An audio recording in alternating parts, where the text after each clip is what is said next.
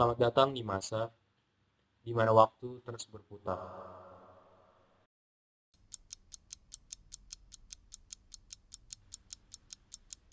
Di episode perdana ini, kami hanya ingin memberitahu kepada kalian bahwa podcast ini hanya bisa dinikmati melalui kanal YouTube dan Spotify.